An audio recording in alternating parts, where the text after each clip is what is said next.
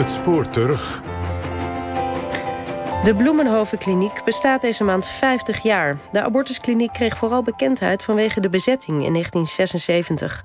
Want toen minister Van Acht dreigde de kliniek te sluiten... stond de vrouwenbeweging op voor het recht op abortus. Luister naar een documentaire uit 2017 van Lemke Kraan. En daarna praten we in de studio met journalist en filosoof Romy van den Burg... door over de nieuwe opmars van het anti-abortusgeluid.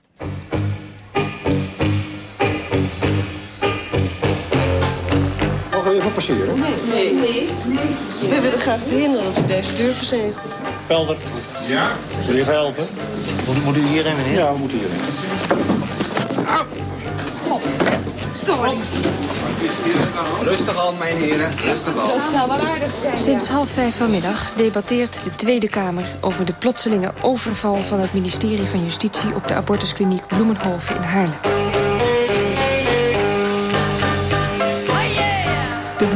Bloemenhovenkliniek was in de jaren 70 een grote abortuskliniek in Heemstede. En het bestaat overigens nog steeds. Maar dat had niet veel gescheeld, want in 1976 dreeg de kliniek gesloten te worden. Gisteravond werden enkele behandelkamers verzegeld op grond van artikel 251 bis, dat het plegen van abortus strafbaar stelt. Uit kringen van de Bloemenhovenkliniek is gemeld dat het gaat om een klacht ingediend door een Duits echtpaar over de behandeling in de Bloemenhovenkliniek. De Duitse vrouw had een abortus gehad en was daarna nog een paar dagen naar Zandvoort gegaan. Daar kreeg ze een miskraam. Ze bleek zwanger geweest te zijn van een tweeling, maar de tweede vrucht was achtergebleven. Dit is een zeldzame complicatie. Echter, naar onderzoek bleek de kliniek medisch niets te verwijten. Meneer Bergen, die klachten waar zo over gesproken wordt... heel Nederland denkt dat hier onzorgvuldig gehandeld is. Ja, dat is heel vervelend. Het is een rancuneus Duits echtpaar... die hier wel degelijk behandeld is... en naar mijn mening uitstekend behandeld is... die een achteraf een klacht heeft ingediend bij de politie. En daar heeft toen van Acht op gereageerd... door te zeggen, ja, het is ook schandelijk... en ik sluit de kliniek nou onmiddellijk. Oud-D66-politica Anneke Goudsmit was in 1976 voorzitter van het bestuur van de abortuskliniek Bloemenhoven. Dries van Acht was toen minister van Justitie. Hij was geen voorstander van abortus. Ik ben katholiek en ik heb het oordeel daarover dat u als katholiek van mij kunt verwachten. Hoe zat het eigenlijk met abortus in de jaren 70? Het was in 1976 in ieder geval nog verboden toch was er een praktijk ontstaan van veilige uh, abortusklinieken... die dus gedoogd werden door justitie... ondanks het feit dat ze geen juridische basis hadden eigenlijk. Een soort gedoogbeleid dus, waarbij je in het telefoonboek... gewoon een abortuskliniek kon opzoeken. Feministisch activiste Marjan Saks streed in de jaren 70 voor een liberale abortuswetgeving. Anneke Goudsmit volgde als voorzitter van de Bloemenhovenkliniek... het debat rondom abortus ook op de voet. De maatschappelijke werkelijkheid was dat verreweg de meeste Nederlanders toen al zeiden dat dat moest kunnen. Maar alleen de wet, ja, alleen, maar eh, de wet stond het nog niet toe. Wij demonstreren nu nog eenmaal voor een goede abortuswetgeving. Wij willen dat een wet wordt aangenomen op basis van onze eisen. Dat zijn abortus uit het wetboek van strafrecht, abortus in het ziekenfondspakket en de vrouw beslist. Abortusklinieken werden door justitie met rust gelaten. Behalve eentje dus, de Bloemenhovenkliniek, waar je ook na drie maanden nog een abortus kon krijgen. Oud-hoofdverpleegster Ellen van den Broek. Wij waren ook heel vaak het mikpunt van kritiek, omdat we er open in waren en omdat we verder gingen. En dat verder gaan, dat is tot boven de 20 weken gegaan. Dat vind ik een hoogst ernstige zaak. Wat ik nu probeer is met alle middelen die het wetboek mij verschaft... daarheen te leiden dat aan de werkzaamheden van die kliniek een einde komt. Dat was in 1974. De late abortussen waren minister Van Acht een doorn in het oog... en hij probeerde de kliniek te sluiten. Minister Van Acht heeft zijn standpunt met overtuiging en met succes verdedigd. Gefeliciteerd. Verdomd goed gedaan, kerel. En compliment. Dankjewel. Maar de rechter besloot toen dat Van Acht de kliniek toch niet mocht sluiten.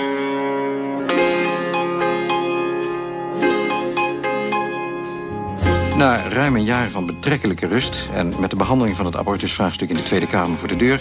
is er op grond van één klacht, die nergens op slaat... volgens de medisch coördinator van de Bloemenhoofdkliniek... toch hardhandig ingegrepen. Van Acht greep de klacht van het Duitse echtpaar aan... om de kliniek nu echt te sluiten. Bloemenhoven-voorzitter Anneke Goudsmit werd gebeld over de noodsituatie. Ze kreeg een tip uit onverwachte hoek. De vriend van een van de verpleegsters zat bij de politie. En die had zijn vriendin gezegd... we krijgen een oproep, we moeten met een team echt van de politie... moeten we naar jullie toe, naar de Bloemhoven toe. Dus nou ja, ik meld het maar even, zei hij. Ik geloof dat dat de aanleiding was dat er echt zei... ja, er moet nu echt iets gebeuren. De kliniek lichtte snel de vrouwenbeweging in. Marjan Saks werd tijdens het eten gebeld door een vriendin. En die uh, zei, uh, ik heb gehoord dat vanavond de Bloemenhovenkliniek gesloten gaat worden. Nou, ja, we moeten iets doen. Dus toen zijn we eigenlijk allemaal gelijk opgesprongen, in een auto gestapt. En toen zijn we naar Bloemenhoven gescheurd. Rond achter waren de vrouwen bij de kliniek. Een vrijstaande villa aan de rand van Haarlem. De boel leek verlaten. Wij stonden daar in die hal en nou, we hadden geen idee wat we moesten doen. Toen ging er aan de linkerkant van die ruimte ging een deur open... en daar kwam een hele stoet, een, een rij heren kwam daaruit. En de achterste was een soort timmerman met zo'n timmerkistje. En uh, nou, die rij heren die liep langs ons nou, naar de andere kant. En uh, ging een deur in. En wij hadden allemaal iets van, wat is dit? En wie zijn dit? En hoezo? En toen zijn we daar maar achteraan gelopen. Want het was duidelijk dat wat zich dan ook afspeelde... zich daar zou afspelen. En wij werden onmiddellijk tegengehouden. Hier mogen jullie niet komen, want hier zijn de patiënten. En toen zeiden wij, ja, uh, die heren, die, ja, wat zijn die aan het doen? Ja, die zijn de behandelkamers aan het verzegelen. Dit is ook een behandelkamer. En wij stonden zo'n beetje daar in de deuropening halvig. En keken die kamer in. En toen kwam die hele optocht van heren kwam net weer teruglopen... van waar ze dus kennelijk de andere behandelkamer hadden verzegeld. En uh, kwamen naar ons toe. En toen zei een van de eerste, die zei... Dames, mogen wij er even langs? Mogen we even passeren? Dus toen begrepen wij dat wij dus in de deuropening stonden... van iets wat verzegeld zou worden. Dus ik weet nog, toen piepte ik, want ik, het was een beetje eng. Dus ik piepte iets van nee. Nee, nee, nee. En die man die keek mij heel verbaasd aan. En achter mij voelde ik ook enige... Er stond nog iemand achter mij, ik voelde haar hart zo in mijn rug kloppen. Zeg maar die man die was zo verbaasd dat, dat wij dus nee zeiden. Dus die keek en, uh, en die liep toen door zijn we in de behandelkamer gaan staan en daarna zitten. We wisten het ook niet zo goed. En toen ging de radio, die, uh, die stond aan, die stond sowieso aan. En dat was het nieuws van tien uur. En die zei dat de Bloemenhovenkliniek bezet was door actievoerders. En toen keken wij elkaar aan en toen zeiden we, dat zijn wij. Wij hebben de Bloemenhovenkliniek bezet. Meester André sprak van obstructie tegen de verzegelingen. Vrouwen van verschillende actiegroepen hadden de verzegeling verbroken. Dat bleek gewoon een touwtje te zijn met een, uh, met een loodje eraan. Ik had een nagelschaartje in mijn tas. Dat hebben we toen met het nagelschaartje doorgeknipt. Er heeft een tijdspanne, heeft er een beslag bestaan. Maar mensen hier in deze kliniek hebben dat beslag in de vorm van verzegeling verbroken. En volgens minister André werd het nemen van verdere maatregelen onmogelijk gemaakt. En die officier van justitie, die had al die vrouwen gezien... en die zei dus tegen mij als voorzitter... u moet zorgen dat ze weggaan. En toen zei ik, nou, waarom? Ja, die bezetten de boel hier. Ik zei, nee, bezetten. Ze zijn hier en uh, ik heb ze niet uitgenodigd... maar ik vind het heel fijn dat ze er zijn. Dus die officier ging tamelijk boos weg...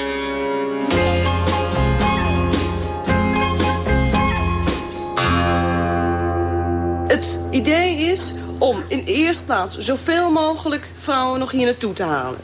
Om het zo moeilijk mogelijk te maken om uh, de kliniek te ontruimen. Precies. De vrouwen bleven de hele nacht zitten en er kwamen steeds meer vrouwen bij. Joyce Oudshoorn, emeritus hoogleraar vrouwenstudies, was er ook. Ik ben toen ook s'avonds gebeld en ben op mijn racefiets naar Heemstede gefietst. Ja, in de loop van de avond waren er toch wel gauw 50 tot 100 vrouwen. Maar door het OM niet veel kon doen, daar zaten daar vrouwen in. Dus ja, dat was toch zoiets van, ja, politie en vrouwen, dat doe je toch niet. Een soort ouderwetse ridderlijkheid.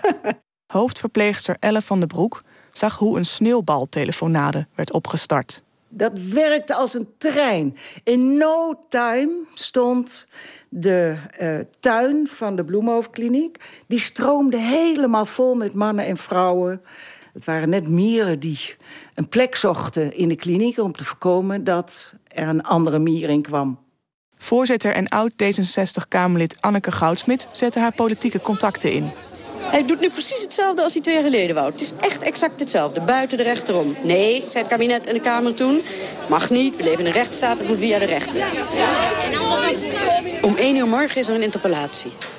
Als er een motie wordt aangenomen dat dit uit moet zijn, dan is het uit. Nou, in principe Ons idee is om de kamers, de vier uh, operatiekamers, die dus verzegeld moeten worden... om die helemaal vol te stouwen met zittende vrouwen. De volgende dag waren er al honderden mensen. Ondertussen vonden er in de Kamer verhitte debatten plaats. Meneer voorzitter, ik uh, moet tot mijn spijt mededelen... dat het uh, antwoord van de minister voor mij ronduit ontstellend is. En vervolgens uh, diende Roethoff een motie in... die, zoals het er nu voor staat, wordt aangenomen. Met de motie werd van acht gevraagd de actie tegen de kliniek te stoppen. Maar intussen zaten wij in de kliniek. Uh, en ja, de angst was natuurlijk toch een politieinval. Tot diep in de nacht heeft het kabinet Den Uyl in het Katshuis vergaderd... over onder meer de weigering van minister Van Acht van Justitie... de beslissing om de abortuskliniek Bloemenhoven in Haarlem te sluiten. Een beslissing die ongedaan gemaakt zou moeten worden. De Tweede Kamer nam gisteravond een motie aan... met de stemmen van de drie grote christelijke partijen tegen... waarin dit werd gevraagd. En Van Acht joeg toen de politieke kat in de gordijnen... door de motie onmiddellijk na de stemming van tafel te vegen. Het antwoord luidt, ik zal de motie niet uitvoeren. Op het ogenblik is de situatie dus dat zeker is dat de minister van Justitie... de officier van Justitie opdracht heeft gegeven om hier een inval te doen... en dat niet zeker is of dat vereideld kan worden.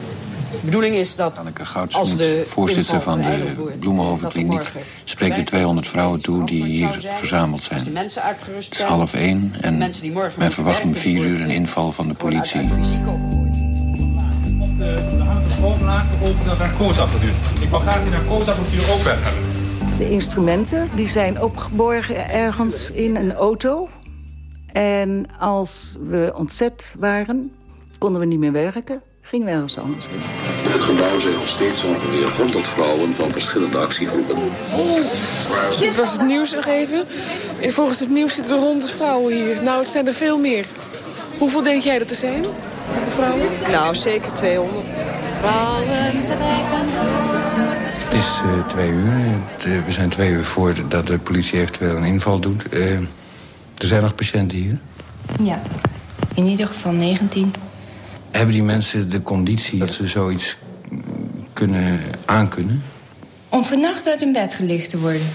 Nee, dat geloof ik pertinent niet. Bloemenhoven mag niet sluiten. Politie en justitie blijven buiten. Wij vrouwen waar geen eigen buik wel zeg vannacht nee. Abortus in het ziekenfonds, maar in de BB. 2 uur 30.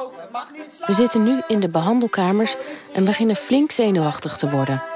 Straks komen er misschien 80 van die enge mannetjes van Van Acht. We zitten flink op elkaar gepropt. De kamers zijn niet groot en iedereen zoekt een goed plaatsje voor armen en benen. Ik verzoek je ook, mocht de politie komen, om alsjeblieft niet in paniek te raken. Ze kunnen je haast niks doen. Er kwamen mensen naar de kliniek met de auto. Die zeiden dat ze een enorme rij uh, ME-busjes uh, zagen op weg van Amsterdam naar, naar Haarlem. En dat die dus ergens halverwege stonden. 2 uur 45. Het kabinet vergadert nog steeds. Het is blijkbaar een chaos. We oefenen hoe te zitten als de politie komt armen in elkaar en in een kring. Ze waren bij halfweg. Het werd gezegd, ze zijn bij halfweg. Dus het werd steeds enger. Er komt nu eh, een bericht door van tien overvalwagens of zoiets. Maar we gaan even precies vragen wat het is. Tien overvalwagens? Dan kunnen we toch nooit allemaal in? en op een gegeven moment heb ik contact gehad met de regering die toen een twee was. Den Uyl, die ik natuurlijk wel kende, die kon ik niet te spreken krijgen. Maar toen kreeg ik de secretaris van de ministerraad, die kwam aan de telefoon. Maar die heb ik het hele verhaal verteld. En die zei toen, nou, ik zal eens kijken wat ik doen kan. Het is nu uh, ruim drie uur. Hoe staat de stand nu? Nou, er zijn nu berichten uh, dat de politie nadert. U hoort de opgewekte sfeer ik, heb, uh, ik weet niet, ik wacht op berichten uit, uit, uh, van het kabinet of men er iets aan doet of niet. Men weet ervan. En ik uh, kan nu alleen nog maar afwachten. Alles alles 3 uur 30. De eerste busjes politie zijn er nu en stellen zich voor de kliniek op. Het is tien voor vier. Iedereen springt op. Wordt stilte geroepen. We hebben nu bericht gekregen van minister Vorm en van Ed van Tijn, fractieleider van de Partij van de Arbeid, dat de actie is afgelast. Hip, hip, hip, hip. Geweldig succes voor de politiek. De beslissing van minister Van Acht de Bloemenhovenkliniek te ontruimen... is dus voorlopig, althans, niet uitgevoerd. De politieeenheden die hier achter de hand werden gehouden zijn ingerukt. Had u het idee dat de minister Van Acht is omgepraat vannacht? Ja, stellig. Ja, omgepraat niet in de zin dat hij van gedachten veranderd is... maar wel dat hij zijn daden heeft aangepast aan de wens van de Kamer... en de rest van de ministers. Op, met een kwartier speling, vier uur, was de inval geraamd. Er stonden bij ons in de buurt 80 man en, en takelwagens. En, en, nou ja, ongelooflijk. Die stonden klaar. Vier uur zouden ze uitrukken. En een kwart voor vier werd het afgelast. Op verschillende kanten gehoord dat hier veel vrouwen zijn die denken dat het nutteloos is om nog langer te blijven. Maar ondertussen was de bezetting nog niet opgeheven. Het was namelijk nog steeds niet zeker of de politie niet alsnog zou invallen. Er staat hier een permanente groep en die zou je dan volgens jullie dan tot het zomerreces misschien wel moeten blijven zitten. Er waren bommeldingen, een heleboel vergaderingen. De abortusbehandelingen gingen overigens redelijk normaal door. En ondertussen discussieerde de politiek verder. Het kabinet wilde geen kabinetscrisis. En het, het, spoorde samen met een andere kwestie. Dat was de levering van kernreactorvaten aan uh, Zuid-Afrika. En daarna wil natuurlijk de club bij elkaar houden. Dus er zijn wat compromissen gesloten. En Van Acht moest dus inderdaad uh, ja, eigenlijk gewoon bakzeil halen. In de nacht van 24 op 25 mei vergadert de ministerraad 15 uur lang over Bloemenhoven. De bezetting is pas opgeheven een week later, toen duidelijk werd dat er dus geen beslag lag op de kliniek. En wat zijn nou de politieke gevolgen van de weigering van minister Van Acht om die Kamermotie niet uit te voeren? Het kabinet is er in ieder geval niet over gestruikeld. Dries van Acht ging met zichzelf in beraad, vertelt Anneke Goudsmit dat hij uh, twijfelde over aftreden. Dus heeft Wim Kan zelfs gehaald. Ik heb voor mezelf een voorlopige balans opgemaakt. Ik wou nou over deze ernstige zaak ook thuis nog eens even praten. Met uw vrouw? Ja. Als ik uh, aanblijf, kan ik meer invloed uitoefenen op de gang van zaken in ons land met betrekking tot dit probleem dan door ambteloos burger te worden. Dat is toch een heel belangrijk feit? Is een belangrijk punt. Er staat ook wel wat tegenover. Weggaan, vertrekken, afscheid als minister is een signaal. Is een teken, een gebaar waarmee je duidelijk maakt... nu zijn in ons land wezenlijke grenzen overschreden. Ik kan daarvoor niet langer verantwoordelijk zijn. Alle mensen die hier zijn hebben de indruk dat hij uh, dat geval van die Duitse aanklacht heeft gebruikt. Hè? Ja, de mensen die zeiden van god, jij met je, met je wettelijke gezeur... en uh, het gaat nou toch goed en Van Acht zal nou toch wel... en wie, welke minister van Justitie durft nou nog iets te doen? Maar het bewijst dat die wet echt dringend nodig is. Wat we gevreesd hebben, maar die we ons hart toch niet echt konden geloven... is verdomme weer gebeurd. Abortus is terug in de sfeer van de politieke koehandel voer voor de verkiezingen. Door het toedoen van de VVD is de jarenlange moeizame strijd voor legalisering van abortus afgelopen dinsdag in één klap ongedaan gemaakt. Het was een enorm succes, die bezetting. Het gaf ons het idee, het misplaatste idee... dat we daarmee ook de abortuswetgeving uh, dichterbij brachten. Maar daarna zijn er nog heel veel demonstraties geweest. En dat was een enorme ontgoocheling. Omdat toen eigenlijk ja, bleek dat... Uh, nou, dat het nog een lange strijd was. De ongeboren vrucht is heilig, zo roepen kerk en maatschappij.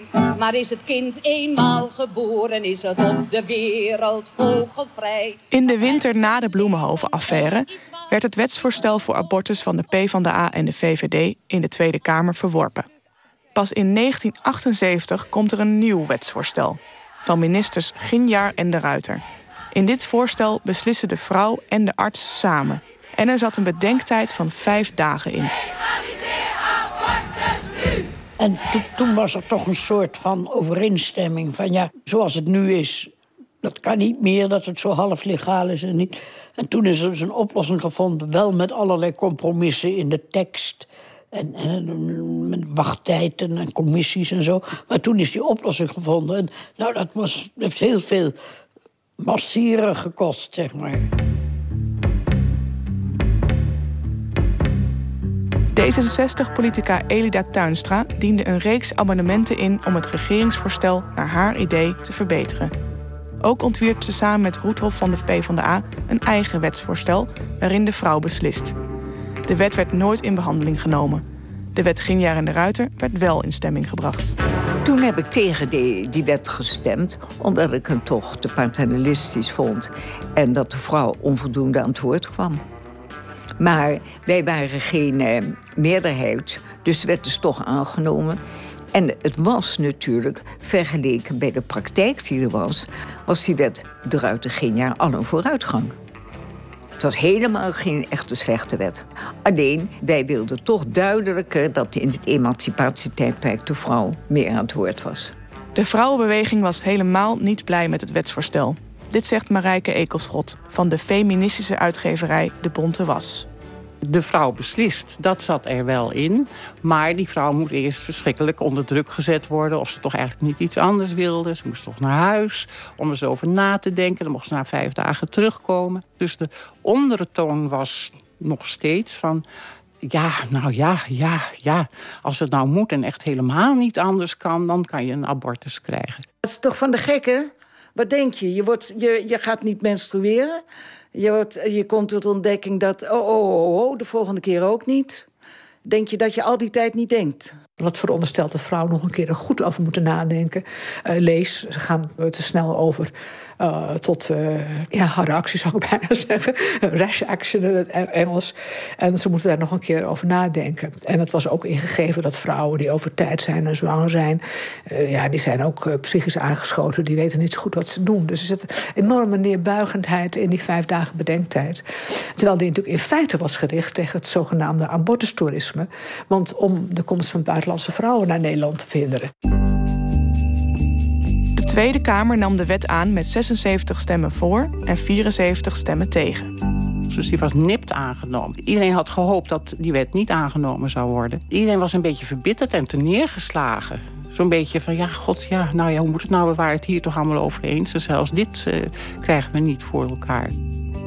Marijke Ekelschot organiseerde met anderen een landelijke vrouwenstaking. Toen wij gingen rondbellen, bleek ook eigenlijk dat we, of we nou naar Garrelsweert of naar Maastricht of wat dan ook, eh, daar contact mee hadden. Dat ja, men was ten neergeslagen en, we moeten wat. Ja, oké, nou oké, we doen mee. De staking was een succes, maar kreeg weinig aandacht in de landelijke media.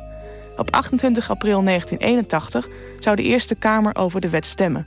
Daarop bedacht actiegroep Wij Vrouwen Eisen een woest plan het idee dat we dus het hele binnenhof konden omsingelen. Dus dat het een lange eh, ja, rij van vrouwen die elkaars handen vasthielden rond het binnenhof. Afgrendelen van het, uh, van het binnen- en het buitenhof. Zodat er niemand in kon.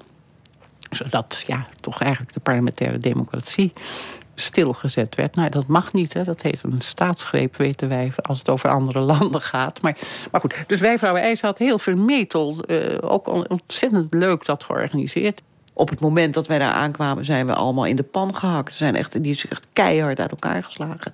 Ik had dat nog nooit zo meegemaakt. Het was echt heel, heel hard. En omdat we juist daarvoor gewend waren dat wij, omdat we vrouwen waren, voorzichtiger werden behandeld door de MW, was het een dubbele schok. Want daar was dus echt helemaal niets meer van over. Toen was het afgelopen natuurlijk. Want die dag is die wet is aangenomen in de Eerste Kamer. Dus dat was het eind van de abortusstrijd. En nou ja, inclusief de dus de strijd om die wet tegen te houden. 28 april 1981 was er na jaren van politieke discussie, meerdere kabinetscrisis en niet minder dan acht wetsvoorstellen eindelijk een abortuswet. Men wou er gewoon vanaf. Elke politieke partij heeft intern enorme eh, debatten gehad voordat ze tot een, een, standpunt kwamen. Plus het feit dat er dus die kabinetsformatie steeds versteerde. Uh, plus uh, enorm veel parlementaire ruimte ervoor nodig. Dus niemand had de behoefte om die kwestie te heropenen. Te lang heeft men gewacht om eigenlijk met zo'n redelijk goede wet te komen, zoals de Ruiter geen jaar. Ja. Maar aan de andere kant, het is ook wel begrijpelijk, zegt Elida Tuinstra. U moet rekenen, het was verboden. Dus, dus dat iets wat verboden was, wat strafbaar is, om het om te zetten in iets wat toegestaan is, nou, Dat is natuurlijk een hele grote stap. Daar moet je jaren over doen. Want anders weet de maatschappij niet waar ze aan toe is. Moet je in wet 1 kijken, was verboden. Wet 2, oh nee, het is toegestaan. Dus dat vind ik eigenlijk volkomen logisch dat het een lang proces geweest is. Abortus zat en zit nog steeds in het wetboek van strafrecht. En ook de bestreden vijf dagen bedenktijd staat er nog steeds in. Die wet was toen niet perfect, maar daar kon de praktijk mee werken. Er stond in die wet dat er vijf dagen bedenktijd moest zijn. En nou ja, wanneer je dan begon en zo, je kon dan allerlei kanten mee op. Eén op de zes zwangerschappen eindigt in een abortus. Dat zijn ruim 30.000 abortussen per jaar. Een abortus is toegestaan in noodsituaties. 47% van de abortussen wordt gepleegd om een financiële reden. Is dat een noodsituatie? In november van het afgelopen jaar lanceerden christelijke organisaties de campagne Week van het Leven om het debat over abortus weer aan te zwengelen. Noem nou eens drie misstanden waar volgens de SGP te weinig oog voor is. Dan zou ik allereerst noemen schending van het recht om geboren te worden. Het massaal doden van ongeboren leven is afschuwelijk normaal geworden. De abortuswet is destijds met de krapst mogelijke meerderheid aangenomen. Volgens Marjan Saks, die jarenlang actief was bij Women on Waves, is de abortusstrijd nog lang niet voorbij op het moment dat je denkt, nou, dit is klaar... je draait je om om iets anders te gaan doen... dat je denkt, nu kunnen we hè, ons met gelijk loon gaan bezighouden of zo... dan komt het toch weer opnieuw uh, naar voren. Het komt steeds weer opnieuw, komt het weer op. Het moet weer opnieuw bevochten worden, vooral ook. Demonstreren of te schreeuwen langs de. Er zijn best leukere manieren om te zeggen waar het om gaat. Hoe lang al hadden